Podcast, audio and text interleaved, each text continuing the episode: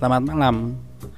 Suara ini dibuat tanggal 25 Desember jam se- 10 ya, 10 lewat 52 menit.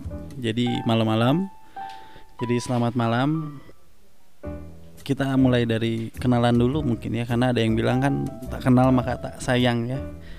Tapi yang sayang selalu kalah sama yang selalu ada. Apaan sih? ya, eh, kenalan dulu. Nama saya Igan. Banyak yang bilang Igan, banyak yang bilang Dirga, ada yang bilang Dirgan, ada yang bilang Dirgantara, macam-macam lah. Bebas. Nama-nama kecilnya Itan. Itan mungkin G-nya susah ya, jadi dibilangnya Itan. Ya sehari-hari sih saya jualan ya, nggak jualan sih sebenarnya mah nyablon lebih tepatnya. Jadi eh, saya bikin-bikin packaging gitu, bikin packaging, terus eh, disablon sama tim kita. Jadi packaging kalian tuh ada punya brandnya gitu dengan sablon. Banyaknya sih plastik tapi semoga ke depannya bisa lebih banyak lagi yang bisa kita kerjain. Em, selain itu juga saya anak ya, saya anak oh kok anak sih? Saya bapak berarti bapak yang udah punya anak. Si eh, agak lucu sih di usia 25 menuju 26 udah punya anak usia 4 bulan punya istri juga satu kalau dua juga nggak apa-apa sih ya mm, kita kenalan dulu ya jadi eh, episode 00 ini kita bilang episode 00 nama podcastnya sih belum dapat jadi kemarin udah sempet sih bikin podcast podcastan itu mah cuma latihan aja sih. Ini juga sama. Bikin podcast karena simple aja sih. Daripada saya ngobrol sama orang yang mungkin orang juga belum tentu mau ngedenger sih. Makanya ngomong di podcast aja. Soalnya kalau misalnya nggak ngobrol maksudnya nggak dibicarain keluar suka stres. Emang basicnya suka ngomong sih suka ngomong gandeng. Jadi ya mungkin podcast terserah gitu ada yang denger atau enggak seenggaknya keluar gitu. Karena kalau misalnya saya ngobrol ke orang yang dia nggak mau denger kan ngapain juga pasti dianya juga males ya. Gitu mang. Sis. Eh, sekarang saya tinggal di Bandung. Saya di Bandung dengan anak istri Em, kita ngontrak sih kita rumah masih ngontrak di daerah Supratman. Ya semoga dalam waktu lima tahun saya target sih lima, lima tahun semoga bisa kebeli rumah cash ya. Nggak tahu kenapa kok masih ngerasa pede aja gitu dalam waktu lima tahun tuh bisa beli rumah cash. Ya optimis sih boleh ya seenggaknya walaupun ketinggian cuman kayaknya bisa deh rumahnya targetnya di kota lagi. Ya semoga ya di kota kota Bandung lebih tepatnya. Karena harga-harga rumah sekarang tuh mahal banget apalagi lima tahun ke depan. Sekarang aja di daerah pinggiran agak pinggir lah Bandung tapi masih kota. Kemarin saya lihat-lihat tuh harganya paling murah 500 juta. Itu udah udah jauh banget. Aksesnya udah nggak ada angkot nanjak pula ke gunung lah tapi masih kota Bandung. Itu udah 500 juta itu udah kehitung murah banget. Kalau misalnya di tengah kota apalagi. Tempat yang saya kontrakin ini aja beliau sang ibu kos katanya pengen aja sih dijual 10 m nggak apa-apa. Bah 10 m dari mana? Tapi pede sih pede. Nggak tahu kenapa pede. 5 tahun sampai 10 tahun lah nggak KPR nggak apa-apa ya. Kalau misalnya punya duit KPR ya KPR tapi kalau misalnya punya duit ya cash kenapa enggak gitu? Ngerasa pede aja. Walaupun eh, gaji nggak seberapa ya paling berapa gitu. Cuman saya sih punya keyakinan kalau misalnya uang itu uang ya kita bicara uang eta mah nuturkeun bahasa Sunda nama. Jadi kalau misalnya memang kapasitas kita atau ember kita tuh udah gede pasti punya segitu. Maksudnya ember tuh kapasitas kita mungkin itu dari segi sikap mungkin itu dari segi uh, cara berpikir atau mungkin dari segi uh, kecerdasan dan lain-lain lah. Itu bisa bisa aja. Yang pasti sih uh, sikapnya dulu. Kalau misalnya sikapnya atau attitude-nya atau uh, otaknya udah sampai ke layaknya gaji 100 juta sebulan ya bisa aja. Kenapa enggak? Orang lain juga bisa. Kenapa mungkin kita enggak? Gitu mang. Um, apalagi ya? Kita bahas apa lagi? Kenalan. Ya saya saya uh, dulu sekolah di SMK 4 Bandung. SMK lulus lanjut kuliah di Unicom di Unicom di Unicom 2 tahun karena ada program beasiswa ke Korea bukan beasiswa sih mungkinnya memang program lanjut sekolah aja sih ke sana.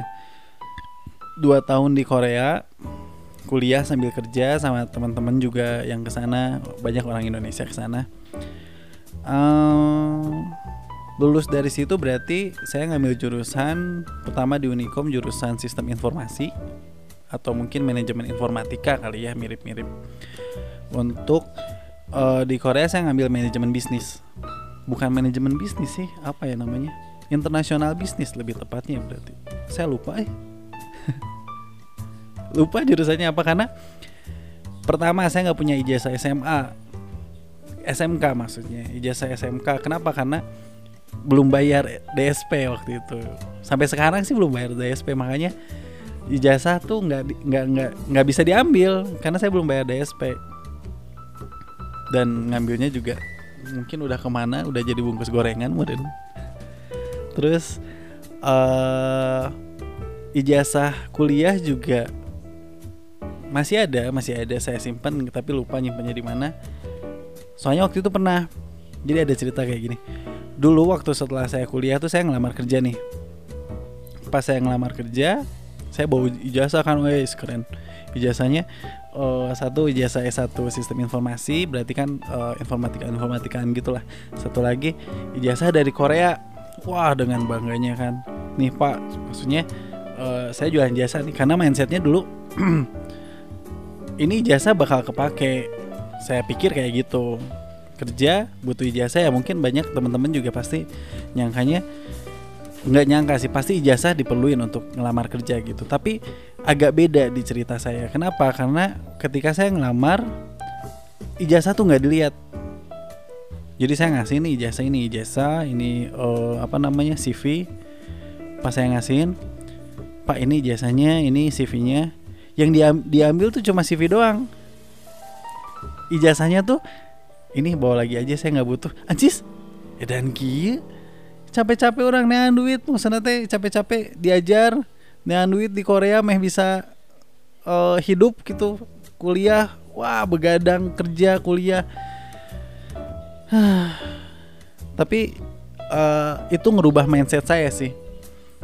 Berkat itu saya jadi berpikir bahwa memang ijazah penting ijazah penting berarti kan itu sebagai bukti bahwa kita sudah menempuh pendidikan. Penting juga sih untuk ngelamar kerja ya. Cuman kalau dilihat dari sisi lain banyak orang atau mungkin dari dari or, perusahaan ya kita bicara perusahaan-perusahaan yang swasta mereka tuh lebih butuh portofolio. Apalagi sekarang industri kreatif ya banyak industri kreatif banyak orang-orang yang lulusan SD juga selama dia pinter mah nggak ada masalah gitu. Selama attitude-nya bagus mah nggak masalah. Toh ijazah juga oh, mereka pikir buat apa merendah mereka mau butuh skillnya gitu loh. Jadi mindset saya dari situ berubah bahwa oke okay, boleh kita pendidikan nggak punya ijazah gitu. Maksudnya nggak punya ijazah, TK pun mungkin nggak apa-apa selama attitude-nya baik uh, skillnya juga hebat. Skill di sini dibicara skill berarti kan uh, banyak ya. Mungkin dia jago fotografi mungkin dia jago ngegambar ya mungkin dia jago programming. Banyak lah. Itu justru dipakai. Dan uh, sampai sekarang saya punya pemaham punya prinsip bahwa attitude lebih penting dari skill. Jadi skill itu penting tapi lebih penting attitude gitu. Jadi kalau bahasa Inggrisnya tuh ada attitude over skills katanya. Atau uh, adab dulu baru ilmu. Gitu karena gimana ya? Percuma kalau misalnya kita punya ilmu nih. Kita punya ilmu tapi nggak punya adab. Kita nggak punya attitude. Ya korupsi lah. Kalau misalnya jadi pejabat kita kan orang pejabat tuh pinter-pinter loh. Mereka sekolahnya tinggi-tinggi ilmunya dalam. Tapi ya gitu mungkin adab adabnya kurang gitu. Kayak kemarin kan agak keren juga sih uh, menteri kita ya menteri BUMN Bapak Erick Thohir berbicara tentang akhlak. Akhlaknya mana katanya? Memang benar. Memang benar. Oke mungkin dia pinter. Oke mungkin dia uh, direktur Garuda tuh pinter banget nih. Tapi kalau nggak pakai akhlak mah percuma gitu guys. Jadi uh, itu mungkin sekilas tentang pendidikan. Apalagi ya?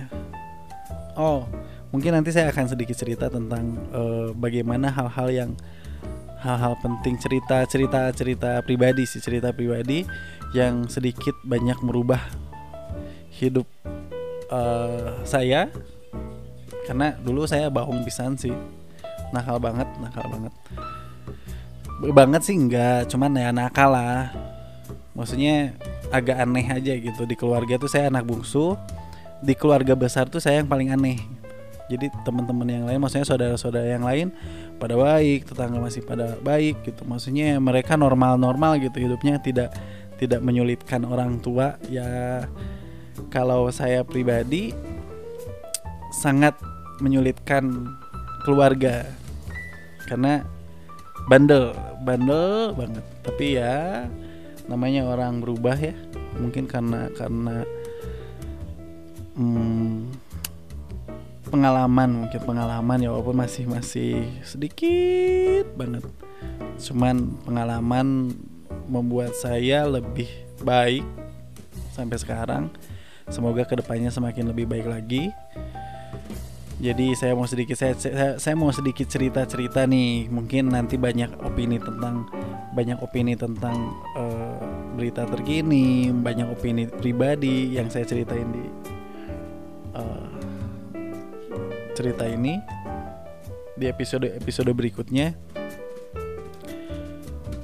Jadi so stay tune, anjir stay tune gaya. Eh. Tapi saya punya, tapi saya nggak jago ngomong sih sebenarnya.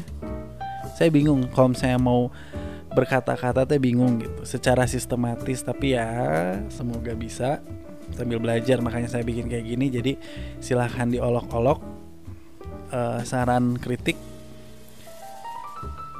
dan ya, sampai ketemu di episode berikutnya. Bye bye.